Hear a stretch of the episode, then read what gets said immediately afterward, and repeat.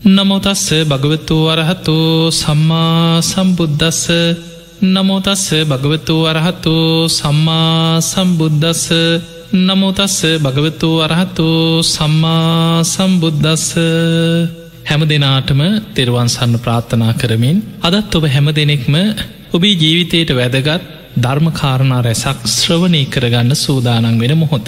පිංහතුනේ අදාපි පිනාතර අපිට බොහෝ පින්කරගන්න පුළුවන්.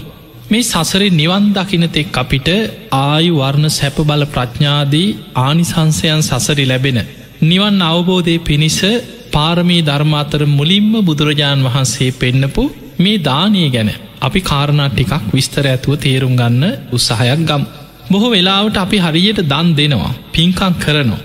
අපේ ශ්‍රී ලාංකී පිරිස ගත්තහම ලෝකයේ සමහ රටවල්වලට මිනිස්සුන්ට වඩා කෙනෙකුට උදව්පකාර කරන ගෙදරකටාවත් ඒකක් දෙනවා.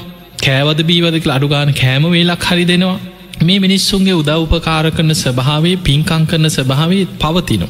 මේ පින කියන එක කොහොමද රැස්සෙන් පිනේ වටිනාක මොනවද? ආනිසංස හැටියට සසරේ දන්දීපු කෙනාට කොහොමද ආනිසංස ලැබෙන් මේ වගේ පින ගැන කාරණා ගොඩා අපි මේ ධර්ම දේශනාව තුළදී තේරුම් ගන්න උත්සාහයක් ගම්. පිංහතුනේ ඔබ අහල ඇති පිනක් කරනකොට තුන්සිත පහදවා දන් දෙන්න කියන. එතන තුන්සිත කියන්නේ දානයට පෙර දානයේ දෙන වෙලාවේ දානයේ දුන්නට පස්සේ මෙන්න මේ අවස්ථා තුනේ හිත පැහැදෙනවා. එකට හේතුව පින රැස්වෙන්නේ චේතනාව තුළ චේතනාහම් භික්කවේ කම්මං වදාමි. මහනනි චේතනාව කර්මයයි. එහෙමනං මෙන්න මේ විදිහට බුදුරජාණන් වහන්සේ පෙන්වා චේතයිත්වා කම්මං කරෝති කායේන වාචාය මනසක්.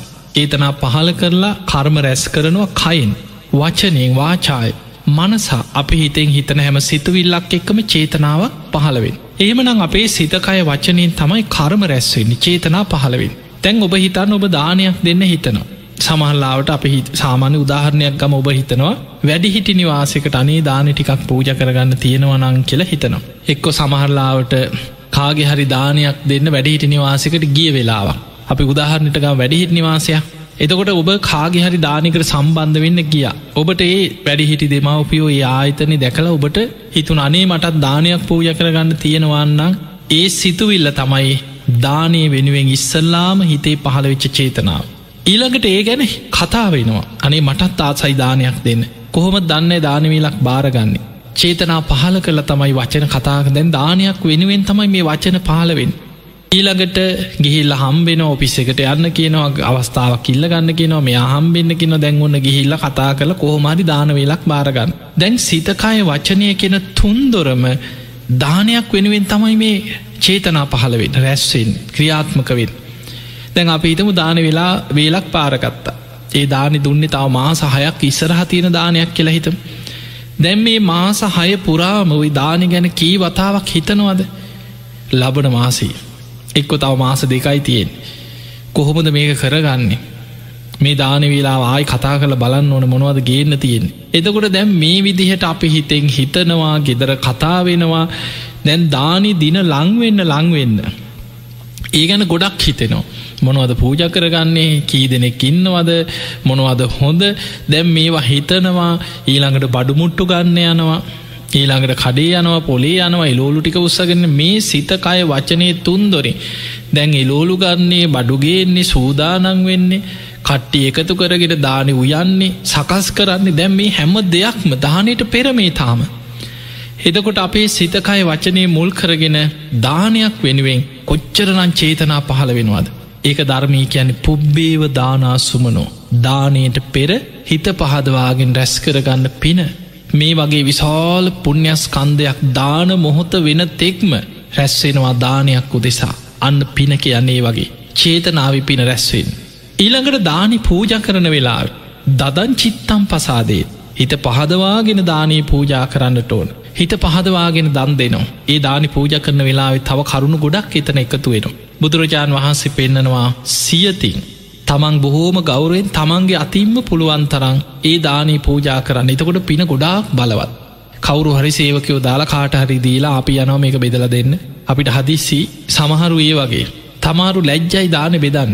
එහෙම අයත් ඉන්න දානි දෙනවා. හැබැයි තමන් දාන බෙදනා සයවකැන් තමයි ගැන ඔන්න ඔයි දාන්ටික බෙදලදාන් ඒ මට්ටමට පත් නොවේ. තමම්ම සියතින් දන් දෙනකොට ගොඩාක් බලවත්. ඊළඟට කර්ම කරම්පල විශ්වාසේ. ඒක ධර්මී කැන ලෞකික සම්මාධිට්ටිය දානයක් දෙනකොට ඒ දානි ආනිසංස ගැන හිතහිතා කර්ම කරම්පල විශ්වාසි මං මේ පිනක් කරන්න. මේක විපාක මට සසරි කොච්චරනල් ලැබෙයිද? මේ විදිහට පිනේ විපාක ගැන අවබෝධයකින් කර්ම කරම්පල විශ්වාසයෙන් දන් දෙනවා. ගෞරුවෙන් දන් දෙනවා. ඒ දෙන දේ ගෞරවෙන් පූජා කරනු. සමහරලාවට කෙනෙකුට ඒක ගෞරවයක් නැතුව අපි හිතමර මෙන්න කාපන් කියල වීසි කරා කියලා. සමහරු එහෙම අයත් ඉන්නවා. කෙනෙක්ගෙන් ඉල්ලලා ඉල්ල සමහරුන්ට කේන්තියනවා සමහර සමාජ මිනිස්සුගෙන් ඉල්ලනකොට කකාඉන්න වෙලාට ඉල්ලපුහම සමහරු කේන්තියෙන් දෙන්නේ. මේ කන්නත් නෑ මේ වදේ කියලා කේන්තියෙන් දෙනවා. එහෙම නෙමෙයි බොහොම ගෞරවේ දෙනදේ සතෙකුට දුන්නත් හිඟන්න එකට දුන්නත් අසරණ මනුස්සයකුට දුන්නත් අනේ කෙනෙක් ඉල්ලන්නේ නැති නිසා ඒ මනුස්සයට බඩකින්න නිසා අසරණකම නිසා ඔබෙන් යමක් ඉල්ලන්න යමක්කමත් තියෙන කෙනෙක් කවදාවත් අතපාගෙන බැනුම් අහගෙන එන්නේ නෑ ඉල්ලන්න. ඒ නිසා ඒ දෙනදේ බොහොම ගෞරවෙන් දෙන්න කෙනෙකුට හිඟන්නෙකුට දුන්නත් ඒක බොහොම ගෞරවෙන් දෙන්න. ඒකෙනගේ හිත සතුට වෙන විදිහට ඒදේ දෙන්න. එදකොට මේ විදිහට ඔබ දෙනකොට ගෞරවෙන් දෙන්න. ඉළඟට සක්කච්චන්දානන්දීත් සකස් කරලා පිළිවලකට දන්දේත් ඒ කියන්නේ කන්න බැරි විදිහර නිකං අන්න ලවීසි කරන දෙයක්. දැන් ඔබ හිතන්න ඔබට බත් එකක් අනල දුන්න ඔබ කයිද නෑ. ඔබට දකිනකොටම තරහයනවා කේන්තියනවා සමාලට අපිරිය හිතෙන්න්න පුළුවන්. ඒ නිසා කෙනෙකුට දෙනකොට ඒක පිළිවලකට සකස් කරලා බොහොම ගෞරවෙන් බත් ඒකට වනත් ඒ වෑන්ජන ටික බොහොම පිළිවලකට ගෞරවේ සමහරලාට මුළු බත් එක වැහෙන්න එක්ක පරිප්ප එකක් හොද්දක් සම්පූර්ණ බත් එක පාවෙන්න බෙදරදාන්න එදකොට මේ විදිහට බැලූ බැල්මට අර බත් එක දිහා දකිනකොටම කෙනෙකුට අපිරියයි. ඒ වගේ නැතුව ඒක බොහොම සකස් කල ඉතින් ඒ නිසා තමයි සමහරු ලස්සනට ඒ වෑන්ජනයක් දාන එකක් බෙදනකොට බොහොම පිළිවලට කෙනෙක්ගේ හිත පහදින විදිහට සකස් කරල ලස්සනට ඒක හදල පෝජා කරන. ඒක ආනිසංස ප්‍රබලයි. ඊළඟට කර්ම කරම්පල විශ්වාසයෙන් සියතින් ගෞරවෙන් දන් දෙනකොට අන්න දානි දෙන වෙලා විශාල පිනක් රැස්සෙනු. දදන් චිත්තම් පසාදේත්. දැම් පින එතනින් ඉවර වෙන්නේ. ඔබ දානයක් දුන්නට පස්සේ ඒ කරපු පින ගැන දැන් හිතන්න හිතන්න දැන් දාන ඉවරයි කියල හිතම ඔබ වැඩේට නිවාස කරන ගේල දානෙ දුන්න දැන් ඉවරයි අනේ දෙමවපියොත් පින් දුන්න දැන් ඔක්කොම් බඩු මුට්ටු අස්පස් කරගෙන ආපහු ගෙදරාව. දැන් එතනින් පින ඉවර වුණා නෙමෙයි. කරපු පින ගැන හිතන්න හිතන්න දැන් බස්සෙ කියන ගමන් හිතනවා. ගෙදර ඇවිල්ල වාඩි වෙලා හිතනවා. ගෙදරයට කියනවනේ හොඳට දානි කෙරුණා. බොහෝම හොඳයි ලොකූ පිනක් කරගත්තා. මගතොටේ හම්බෙනයට අහල පහලායට කිය නොද අපි දානයක් දුන්නනේ ඔයත් ඒ පින අනුමෝදංවෙන් එදකොට මේ වගේ අපි ඒ කරපු පිනක් ගැන හිතන්න හිතන් ඒ පින ගැන කතාවෙන්න කතාවෙන් ඒ පින ගැන සිහි කරන්න සිහි කරන්න අපේ සිතකයි වචනය තුළින් ඒ පිනම බලවත්වෙනවා. දත්ව අත්ත මනෝහොති. කරපු පිනක් ගැන හිතල හිතලා දීපු දේ ගැන සිහි කරන්න සිහි කරන්න ඒක බලවත්තේ. ඒ නිසා පිංහතුනි ඔන්න ඔය අවස්ථාත් තුනේ හිත පහදවන්න පුළුවන්නම් ඔබ දානේ පූජා කරනකොට ඔබ දන් දෙනකොට ඔය විදිහට අවස්ථා තුනක හිත පහදවන්න පුළුවන්නන් ඔබට ඒ දානෙන් විශාල් පිනක් රැස්සෙනවා. ඊළඟට දානයේදී අපි තේරුම් ගන්නවන තව ගොඩා කාරණක් තියෙනවා. සමහරයි දන් දෙනකොට මේක තනියමම කරන්න තමයි හිතන්න. ඒ අය හිතනවා මොකද දානී තුළත් සමහරුන්ට ඇතිවෙනවා ලෝභකම. පින් කරන්න ගිහිල්ල ඒ පිනට ලෝභකම ඇතිවෙනවා. මේකට අනිත්තා එකතුනොත් මගේ පින අඩුවී. මේ මේ අයටත් මගේ පින බෙදිලයයි. මේක තනියෙන් මංකරොත් තමයි කුට්ටිය පිටි මටම මේක ආනිසංස ඔක්කොම මටම ලැබෙන්නේ කියලා හිතෙන්න්න පුළුවන්. එහෙම හිතල සමහරු තනියම දන් දෙෙන හොරෙන් දෙන්නේ කියන්නෙවත් නෑ කාටුව. තනියෙන් දන් දුන්න කියලා හිතන් හැබැයි තව කෙනෙක් දන් දෙනවා එයා කට්ටිය සම්බන්ධ කරගන්නවා. එක වෑන්ජනී වෑන්ජනය හරි බෙදල දෙනු. එහෙම නැත්නං තමන් ඒ අයට බැරි වුනත් තමන් හදලා අනේ අතගහල හරි ඔයත් මේ අනුමෝදංවෙන් ඔයත් අතතියල හරි සාධකාරයක් හරි දෙන්න කියලා. තව පිරිසක් සම්බන්ධ කරගෙන සහයෝගෙන් දන් දෙන. මේ දෙකේ ආනිසංස වෙනස්. තනියෙන් දන්දීපු කෙනාට සසරේ ආනිසංස ලැබෙනව හැබැයි පරිවාර සම්පත්තිය ලැබෙන්නේ පිරිස් බලය නෑ. දන්දීපු නිසා ලැබෙනවා නමුත් පිරිස් බලේනෑ. අර පිරිස එකතු කරගෙන බෙදාහදාගෙන සහයෝගෙන් දන්දීපු කෙනාට ඒ දන්දීපු පිනෙන් සැප සම්පස් හසරේ ලැබෙනවා වගේමයි පරිවාර සම්පත්තිය පිරිස එකතු කරගෙනයි දන්දුන්නේ. පිරිස සම්බන්ධ කරගෙනයි දන්දුන්නේ. සහයෝගයට කට්ටි එකතු කරලා ඒ අයටත් අනුමෝදං කෙරෙවෝ. ඒ නිසා ජීවිතේ තමන් තනි වෙන්නේ තමන්ට ඕන තරං යාලුව හිතවත්තු කරදරයක් වුණත් පිරිස පරිවාර සම්පත්තිය අඩුවක් වෙන්නෑ කියෙන්. දැං ඔබ බලන්න සමාජය ඔබ දැකල ඇති සමහරු ඉන්නොක් පෝටිපතියෝ ආත් කවුරුත් නැතුව අන්ත අසරන විශාල මාලිගා වගේ ගෙවල්ලොල තනියම ජීවත්වෙනවා. කවුරුවත්න එක්කො දරු හත ඇල්ල දාලා ගිහිලෙක්කො ඒ අයි වෙන වෙන රටවල්ලොල ඒ අයට ඒ රටවල්ලොල රස්සාවල් බැඳීම් විවාහ වෙලා ලංකාවට එන්න යන්න විදිහක් නෑ අවුරුද්ධකට දෙහෙකට තමයි සමහල්ලාවට අම්ම තාත්ත බලන් හරි යන්තන් ඒගන්න කවුරුත් නෑ සමහල්ලාවට ජීවිතේම දන්නේ අදුරන්න නැති මනුස්සෙක් ළඟ ඉන්න බලාගන්න. ඒ මනුස්සයත් සමහල්ලාට ඕන වෙලාවට නෑ. සමහරු ඔහොම තනියෙන් ඉඳලා ඉඳලා ඔහේ ගෙවල්වල මැරිලා ඉන්නවා දන්නෙත් නෑ. නෑදැයිත් දන්නේ නෑ කවුරුවත් දන්නේ සමහර ලොකු ගෙවල්ලොල මැරිල දවස් දෙකතුනකට පස්සේ ගඳ ඉනකොට තමයි අහල පහල මිනිස්සු ඔයලා බලන්නේ මේ ගෙදරින් ගදක්කෙර බලනකොට අනේ දවත් දෙකතුනකට කලින් මැරිල කුණු වෙලා දන්න මේ වගේ සිදුවීන් ඕන තරන් තියෙනවා. මහා ධනයක් තියෙනවා. හැබැයි තමන්ට ඒක පරිහරණය කරන්න යාළුව පිරිස අපි දැකලා තියෙන පාර යනකොට ඔය බොරැල්ල පැත්තෙන් යනකොට ධර්ම දේශනාවලට හවසට බොරැල්ල කනත්තට මිනිගේනවා අපිට පේනවා. හවසොය හතර පහ තුන්න තුන හමාර වෙනකොට හතර පැත්තෙම දවසකට ඒ කනත්තට මිනි උත්සගෙන නොය කොළඹ පලාත් සමහර වෙලාවට මිනි පෙට්ටිය උත්සගෙන හතර දිනෙක් යනවා දෙන්නේ කඩාඩා යනව පස්සින්. කවුරුවත් නෑ මිනි පෙට්ටියට කරතියන්න කෙනෙක් නෑ ජීවිතේ. සමහරුන්ට මළගෙදර වනත් මිනිියටවත් බලන්නවත් කවුරුවත් නැව් එක්කෝ මල්ශාලාවක වේලි වේලි තියෙනවා. නෑදෑයෙක් නෑ ජීවිතේ යාළුවෙක් නෑ හිතවතෙක් නෑ හැබැයි සල්ලි තියෙනවා. එතකොට අපිට පේනවා පෙර සසරේ දන්දීලා දීපු නිසා ලැබෙනවා. හැබැයි ලැබුණට පරිවාර සම්පත්තිය නෑ කල්්‍යයානමිට සම්පත්තිය නෑ තමන්ට උදව්වට මිනිස්සුනේ ඇයි තනියෙන් දන්දුන්නේ. බුදුරජාණන් වහන්සේ පෙන්වා දන් දෙනකොට පිරිස සම්බන්ධ කරගන්න. අපි දානයක් දෙනකොට අතගහල හරි. ඒ අයට පිරිකරක් පූජා කරත් ඔබ බලන් අතතියල හරි සාධකාරයක් දීල හරි මේක අනුමෝදං වෙන්න කියෙන්. ඔබ මතකතියාගන්න පින් අනුමෝදං කරනකොට අපේ පින් අඩුවෙන වනෙමෙයි. පත්ති දාන පත්තානු මෝදනා පින් දීමත් පිනා කෙනෙක් කරන පින අනුමෝදංවීමත් පිනක්. දැන් අප හිතම ඔබ පිනක් කරලා. ඔබ කොහේ හරි ගිහිල ලොකූ පිනක් කරගෙනාව කියලා. සමහල්ලාට ඔබ අන්රාධපුරී කියලා අටමස්ථාන වන්දනා කර. කිරි ආහර පූජාවක් තියලා කපරුක් පලන්දල දැන් ලොකූ පිනක් කරගෙන ඇවිල්ලා. දැන් ඔබට පුළුවන් ඔය පින පින් කැමති බොහෝ දෙනෙකුට අනුමෝදං කරන්න. එතකොට ඔබේ පින තව වැඩි වෙනවා මිසක් අඩුවෙන්නේ කෙනෙකුට හිතෙන්න්න පුළ මගේ පින කාටහරි දෙනකොට පින අඩුවෙනවනි කියල. එහෙම දෙයක් නෙමේ බුදුරජාණන් වහන්සේ උපමාවක් පෙන්නුවේ එක පහනකින් පහන් දහස් ගාන දල්වන්න පුළුවන්. ආලෝක එන්න එන්න වැඩිවෙනවා මිසක් ආලෝක අඩුවක් වෙන්නේ ඒ වගේ තමයි ඔබ පිනක් කරලා ඒ පින අනුමෝදං කරන්න. අනුමෝදං කරන්න මෙහෙමයි. අනේ මං මේ වගේ පිනක් කරා. කිරියාහර පූජාවක්ති අපි මේ වගේ වන්දනා කරා කප්රුක් පූජ කර ඔයත් මේ පින් අනුමෝදංවෙන්. එතකොට ඒ කෙනාට සාදු සාදු අනේ මාත්තේ පින් අනුමෝදං වෙනවා කියලත් කෙනෙකුට හදවතින්ම. කුහකත්වයක් නැති ඉරිසියාවක් නැති කෙනෙකුට හදවතින්ම හිතෙන් තව කෙනෙක් කරන පින අනුමෝදං වෙන්න පුළුව. එහෙම පින් අනුමෝදං වෙනකොට ඒ කෙනාගේ පින තවත් බලවත්වෙනවා. ඊළඟ දේ තමයි ඔබටත් පුළුවන් තව කෙනෙක් කරන පිනක් අනුමෝදන්ගෙන අනේ සාදු කොච්චර දෙයක් එතකොට ඒ වගේ කෙනෙක් පින් කරනවා දැකලා ඒ සතුටින් ඒ පින් අනුමෝදං වෙන්න නං ඔබට තියෙන් ඕන ඉරිසියාවක් නැති කුහකකමක් නැති කෙනෙක් පින් කරනකොට මුදිතාව. අනේ කොච්චර දෙයක්ද කියලා එයා පිනෙන් දියුණුව කරා යනවා දැකළ සතුටුවෙන් කෙනෙක් දියුණුවෙන ක්‍රම තියෙනවා. බවබෝග සම්පත්වලින් ධනයෙන් ගොඩනැගිලිවලින් ඉඩ කඩන්වලින් මේ බෞතික දියුණුව. පිනෙන් දියුණු වෙනවා. එයා සීලයෙන් දියුණු වෙනවා. ධර්මයෙන් දියුණුව කරායනවා ඒ දියුණුව දැකලා ඉරිසියා කරන්නේ මට සිල් රකින්න බෑ. ඒකට මේ අයි සිල් රකි නොන කළ ඉරිසියාවක් ඇතිවුණොත් පිරිහෙනවා. සමහල්ලාවට මට පිනක් කරගන්න විදියක් නෑ. ඒකට මේ මිනිස්සු පින් කරනවනේ කියලා පින් කරන කෙනාට ඉරිසියා උපදින්න පුළුව එහෙම නැතුව කෙනෙක් පින් කරනවා දැකල අනේ සාදු කොච්චර දෙයක්ද? අනේ හොඳයි කියලා හදවතින්ම තව කෙනෙක් කරන පින අනුමෝදං වෙන්න පුළුවන්නම් පත්තානු මෝදනා කෙනෙක් කරන පිනක් අනුමෝදං වෙනකොට ඔබේ පින තවත් වැඩෙනවා. ඒ නිසා පිංහතුනී මේ පින් කරනකොට ගොඩා කරුණු තියෙන. දවසක් කොසොල් රජ්ජුරුවෝ අපේ බුදුරජාණන් වහන්සේ මුණගැහෙන් අවේලාවේනවා. අවේලාව කියැන බුදුහාමුදුරු දිනචරියාවකට කටයුතු කරේ. රජ්ජුරුවෝ නත් බුදුරජාණන් වහන්සේ මුණගැහෙන් ආවේ ඒ මුණගැහෙන වෙලාවට. එදා මේ කොසොල් රජ්ජුරෝ හදිස්සියීම ඒ නගර හිටපු දනවස් සිටුවරයෙක් මැරිලා කාත් කවුරුත් නැතුව තනියම ජීවත්වෙච්ච අපුත්තක කියන සිටුවරය මැරිලා. කෝටි ගානක වස්තුව රාජ සන්තක වුණා. සාමාන්‍යෙන් කාත් කවුරුන් නැතුව තනියෙන් ඉඳලා මිය ගියාට පස්සේ අර දේපල රාජ සන්තක වෙන.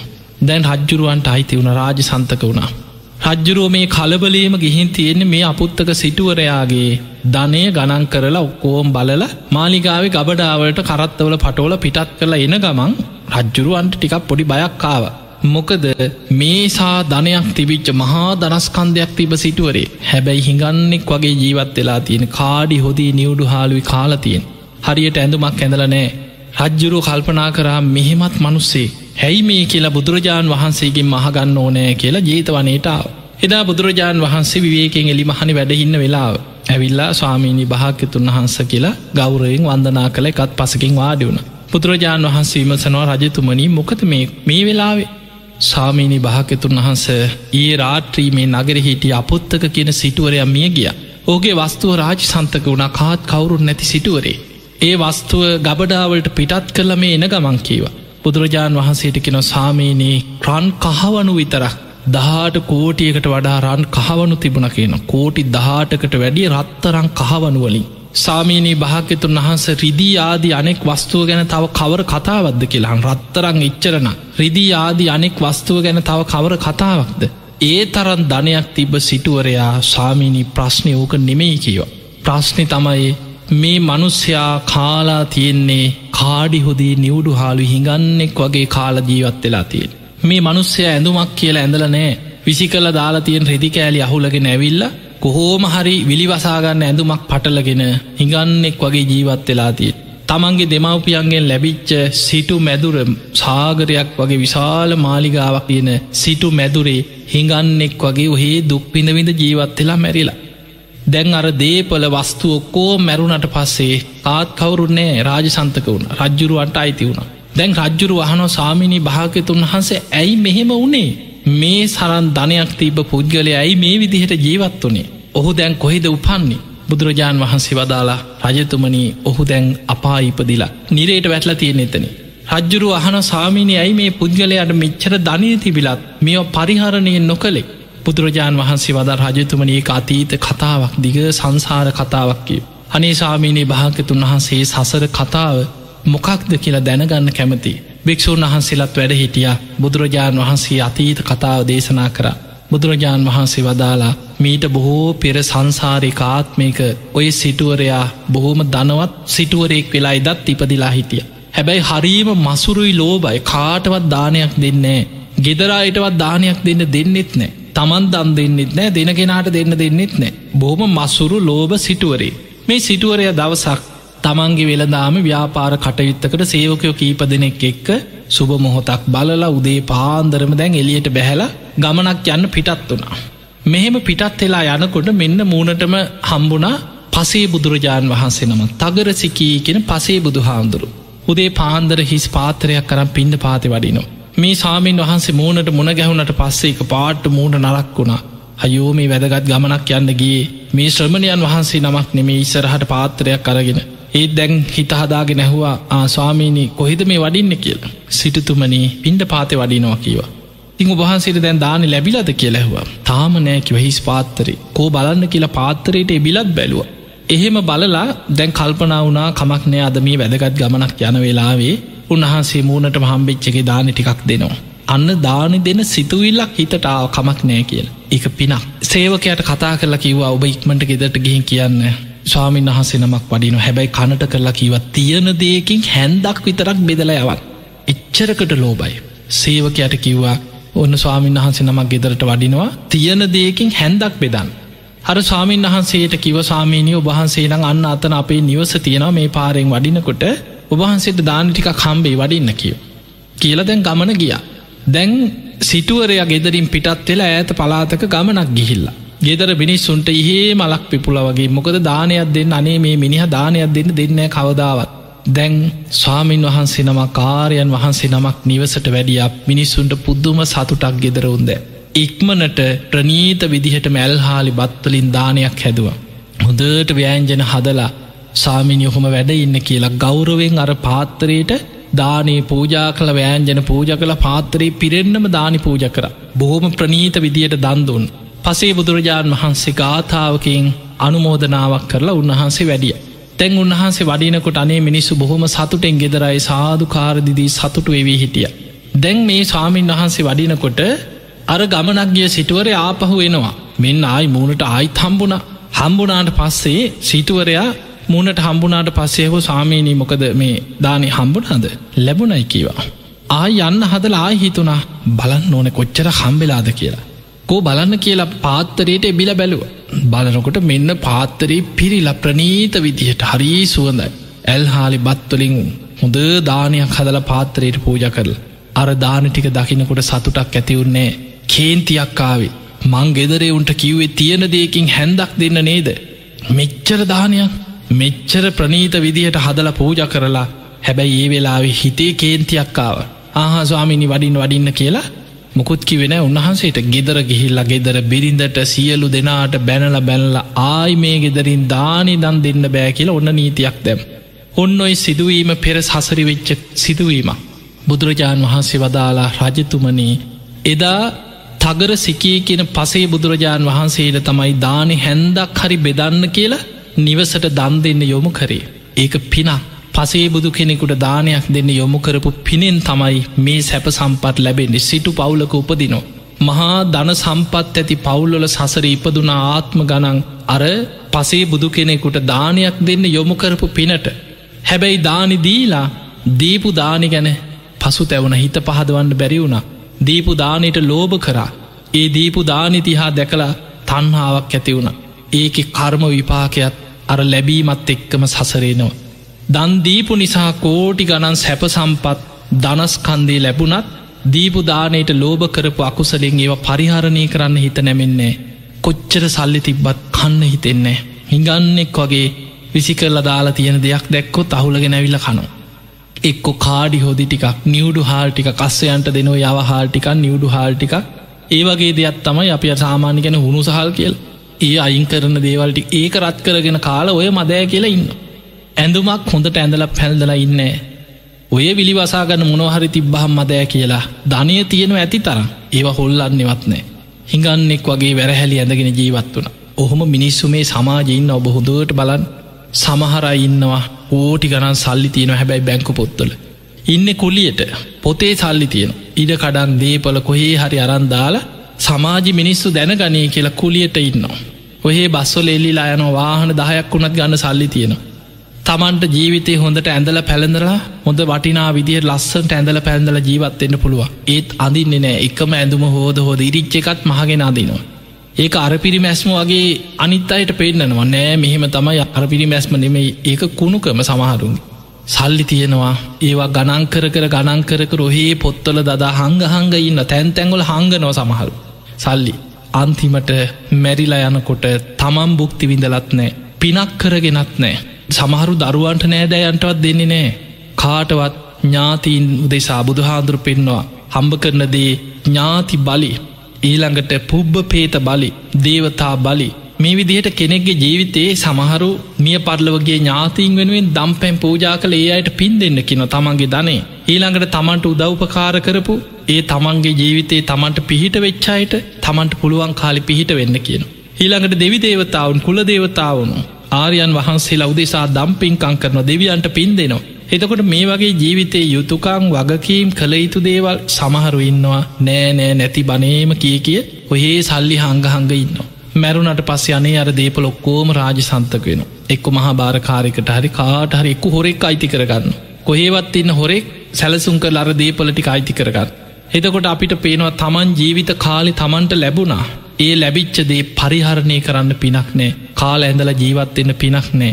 හොඳ බේට්ටිකක් ගන්නේ නෑ වෛද්‍යවරයෙක් ළඟට යන්නේ සල්ලි යනවා කියලා. හොඳ ඉස්ප්‍රීතාලික නතර වෙන්න සමහර ඔහේ ලෙඩක් අසනීපයක් තිබුණත් මොනවා හරි ඔය බෙහෙත් කොලයක් හරිගෙනල්ල මුලක් හරි තම්බගෙන බීලා ඉන්නවා මිසා වෛද්‍යවරයෙක් ළඟට යන්න එක්කො සමහල්ලාට පෙතිවල ගඩන් හලා ආපහු වෙනවා මේවා මේ ගණන්න කියලා ගෙවල්ලොලේනවා ඇවිල්ලොයි බේට්ටිකත් තම්බගෙන බීල මොනහරි කොලටිකත් තම්බගෙන බීලා ගානෙන් තමයි හොයන්නේ. හැබැයි සල්ලි තියෙන ඇති තරම්. ලෝකෙ වඩේ ගිහිල්ල හොඳ වෛද්‍යවරුන්ගෙන් බෙහෙත් ගන්න තරන් ධනය තියෙනවා. හැබැයි තමන් පරිහරණය කරලත් නෑ. බුදුහාන්දුරයි කාලි අර මට්ට කුණ්ඩලි ගැන හලත් මට්ට කුණ්ඩලික තාත්ත මොනතරං කුණු ජීවිතයක් ගත කරපු කෙනෙද තමන්ගේ පුතා ලෙඩවෙච්ච වෙලාවේ වස්තුව දකී කියලා පිළිකන්නට දැම්මේ. මොකද බෙහෙත් කරන්න එන වෛද්‍යවරු දැක්කොත් දේපොල තියෙනවා කියලා දරුවටවත් ලෙඩකට දුකටව බෙහෙතක් දුන්නේ කනට ආභරණයක් ඒ කාලි දරුවන්ට කනට කරාම්බුවක් වගේ ආභරණයක් දානවා. දැන් මොකක් හරි දාන්නත් ඕනෑ නමුත් මේ වයිතින් ඔය රන්කරුවන්ට දීලා ඕ කැටයන් කළ ඕ ලස්සන කරන්න ගියෝ කොච්චර සල්ලිද අපරාධන කියලා නිකං රත්තරං කෑල්ලක් අරගෙන තලල තල්ල තල්ල ඒක කනේ හිර කරලා එල්ලු ඒකයි මට්ට කුණ්ඩලීකි. එතකොට අපිට පේනවා මේ වගේ සමහර චරිත ඉන්න මතකතියාගන්න ඕව කර්ම විපාක හැටියට සංසාරි පස්සෙන් එනේවා. ඒ සසරි කරපු අකුසල් දීපු දානයට ලෝභ කරලා. දානි දී ලාපහු බනින මිනිස්සු නොන අපරාධි දුන්න එක ලාපස්සට බනිනෝ.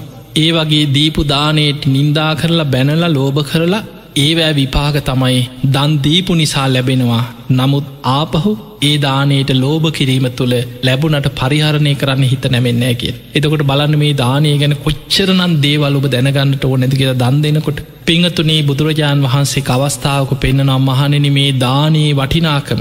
මේ ලෝකෙ මිනිස්සු ලෝතුරා බුදු කෙනෙක් තරන් දානික වටිනාකම දන්නවන්නං තමන් කන බත් පතෙන් කොටසක් දින පතා හරි සතෙකුට හරි දන් දෙනවා. පුංචි සතෙකුට හරි කොසගින්න නිවාගන්න එක බත් කටක් හරි දන් දෙනවා.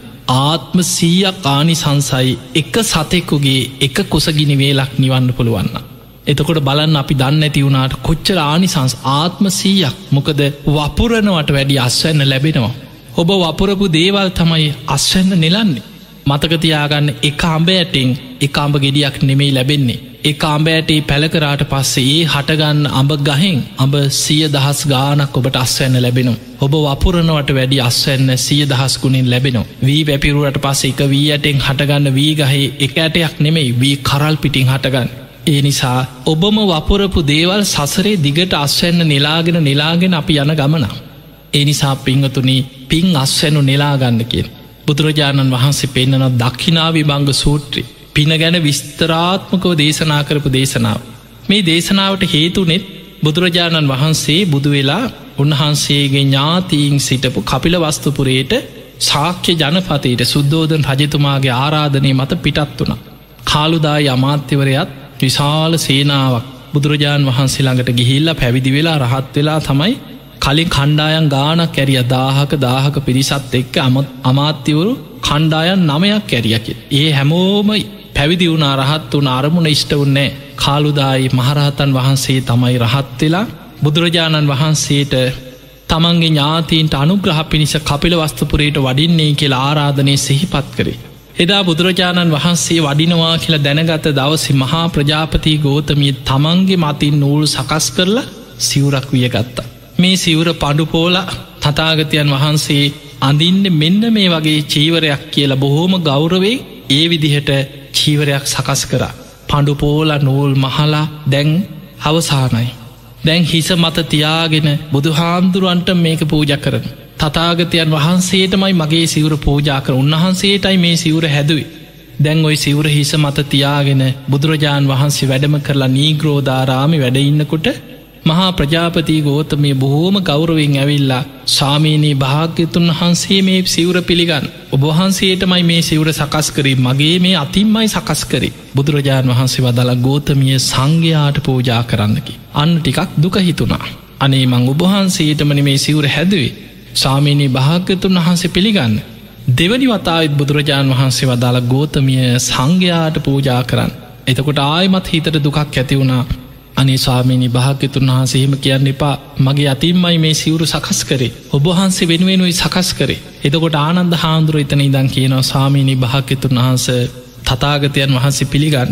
ඔබහන්සේගේ මෑනියන් ඔබහන්සේ බිහිවෙලා දින හතකින් කලුරිය කරාට පස්සේ තමන්ගේ දරුවා කිරි මව්වරුන්ට දීලා තමන්ගේ කිරිටික පෙව්වේ ඔබහන්සේට මේ ප්‍රජාපති ගෝතමි ඔබහන්සේගේ සොළු මෑනියන් ඔබහන්සේට බොහෝ උපකාර කරපු කෙනෙක්. ඒ නිසා ඔබහන්සේම පිළිගන්න කියෝ. එතකොට බුදුරජාණන් වහන්සේ වදාලා ආනන්දයේ තතාගතයන් වහන්සේ පෞද්ගලිකෝ පිළි නොගන්නේ මේ ගෝතමිය ගැන තියෙන කරුණාව නිසා මයි කියව. බුදුරජාණන් වහන්සේ වදාලා පෞද්ගලිකෝ පූජාකරොත් ඒක බුදුරජාණන් වහන්සේට විතරක් පූජාකරපු වස්තුව. හැබැයි සංඝයා උදෙසාත් පූජා කරනවා කියෙන චේතනාවෙන් පූජා කරද්දී බුද්ධ ප්‍රමුඛ සංඝයාම අරමුණු කරගෙන පූජාකරොත් බුදුරජාණන් වහන්සේටත් පූජා කරාවෙනවා මහා සංඝයාටත් පූජා කරපු දෙයක් වෙන. අන්න එහෙම කියමින් බුදුරජාණන් වහන්සේ දක්කිනා විභංග කියෙන සූට දේශනාව දේශනා කරා. ඒ දක්කිනා විභංග සූට්‍ර පෞද්ගලික දාන දාහතරක් පෙන්නවා. පෞද්ගලික දානයකද ඒ ඒ පුද්ගලයන්ගේ ගුණධර්ම මත ආනිසංස වැඩිවෙන්. සතෙකුට දුන්නත් ආත්ම සීයක් කානි සංසයි. කෙනෙක් ඉන්නවා මිත්‍යා දෘෂ්ටිකයි. කර්ම කරම් පල පින් පව් ගැන දන්නේ නෑ හැබැයි අසරණ කෙනෙක් කුසගින්න ඉන්න කෙනෙ. අපි අනේ පව් මේ අසරණයා කියලා කෑමවේලක් දුන්නොත් ආත්ම දාහක් කානි සංසයි. හිඟන්නෙකුට දුන්න තාත්ම දාහක් කානි සංස ලැබෙනවා. ඊළඟට කෙනෙක් ඉන්නවා අසරණ කෙනෙක් හිඟන්නෙක් වෙන්න පුළුවන් හැබැයි ගුණය හපස් සිල්වත් ඔහුගේ ගුණයක් සලකාගෙන අපි දන් දෙන ආත්ම දස දහසක් කානි සංසයි. ඒ අතර කෙනෙක් ඉන්නවා කර්ම කරම්පල විශ්වාස කරන පින් පව් විශ්වාස කරන මෙලෝ පරලෝ පිළිගන්න ලෞකික සම්මාධිට්ටියෙන් යුක්ත කෙනෙ.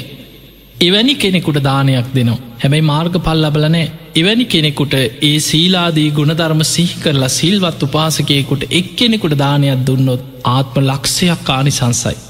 එතනින් එහා බුදුහාන්දුරු පෙන්වේ මාර්ග පල්ලාබී සෝවාන් මාර්ගයේ ගමන් කරන කෙනා ඒ ඇනෙ සද්ධානුසාරි දම්මානුසාරියයි.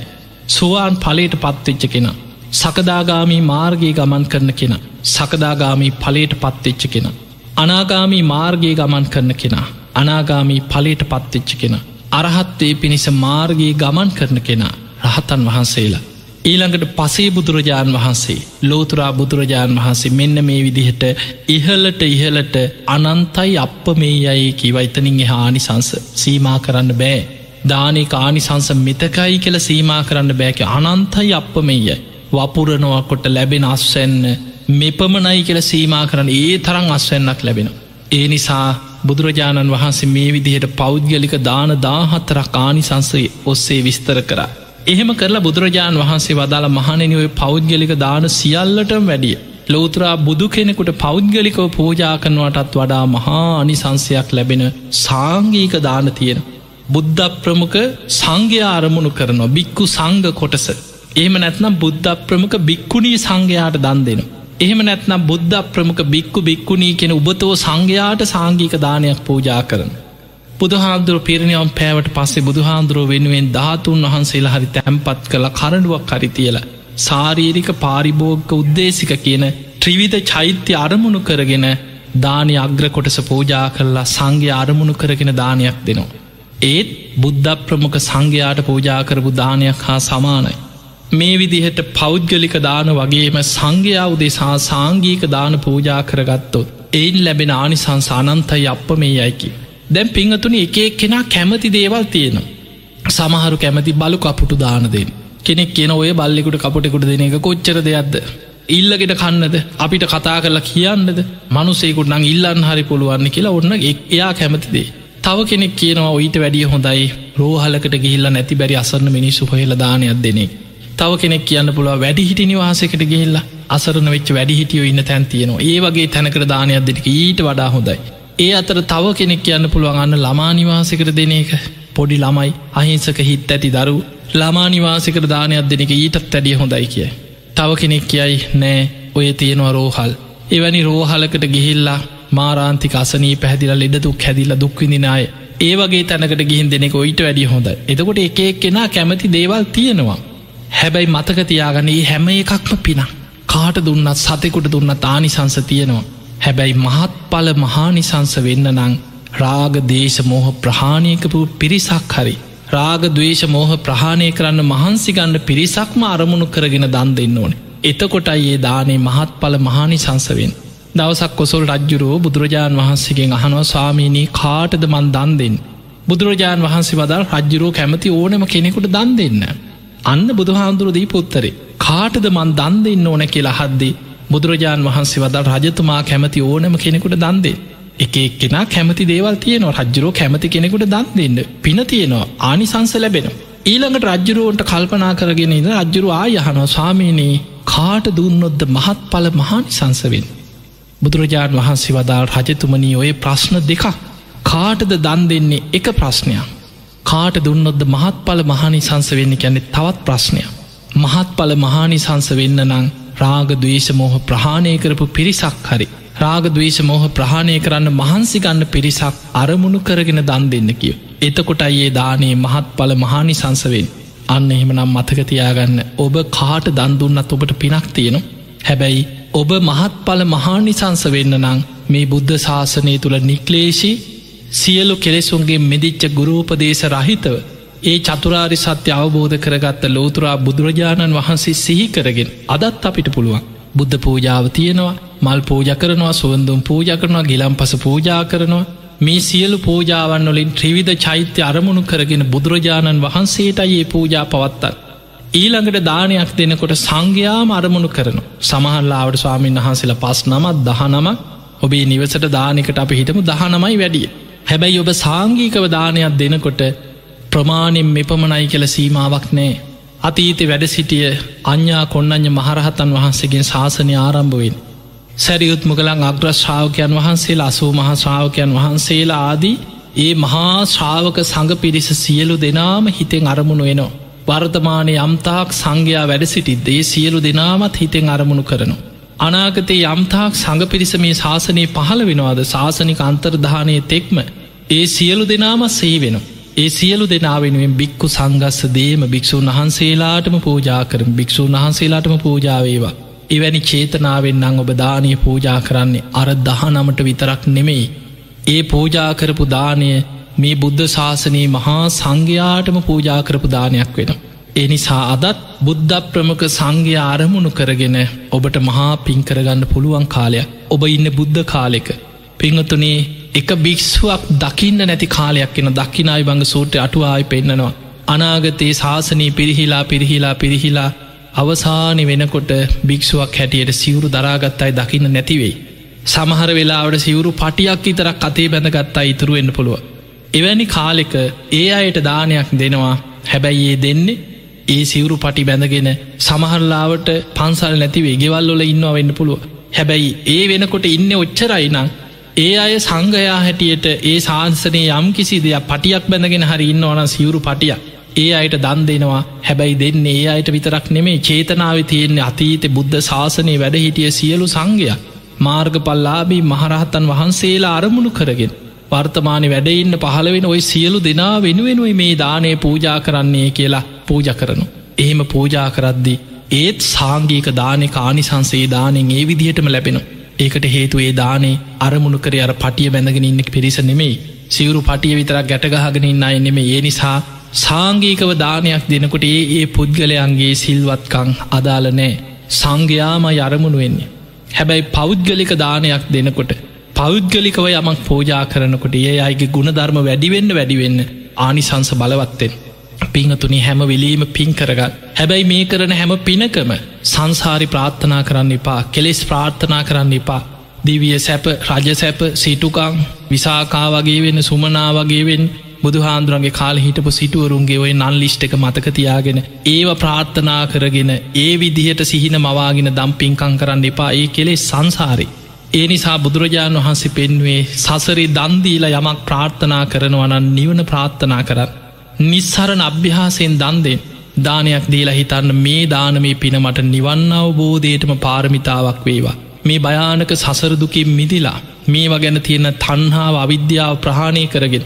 සසරදුක් නිවාගන්න කෙලෙස් ගින්න නිවාගෙන සංසාරෙන් මිදන්න මට මේ පින උපකාරවේවා කෙන චේතනාවෙන් දන්දෙන්. අන්න එතකොට නිස්සරණ අභ්‍යහාසයෙන් කරපු පිනක් ඒ පින ඔබට නිවන් අවබෝධයට පාරමිතාවක් වෙන.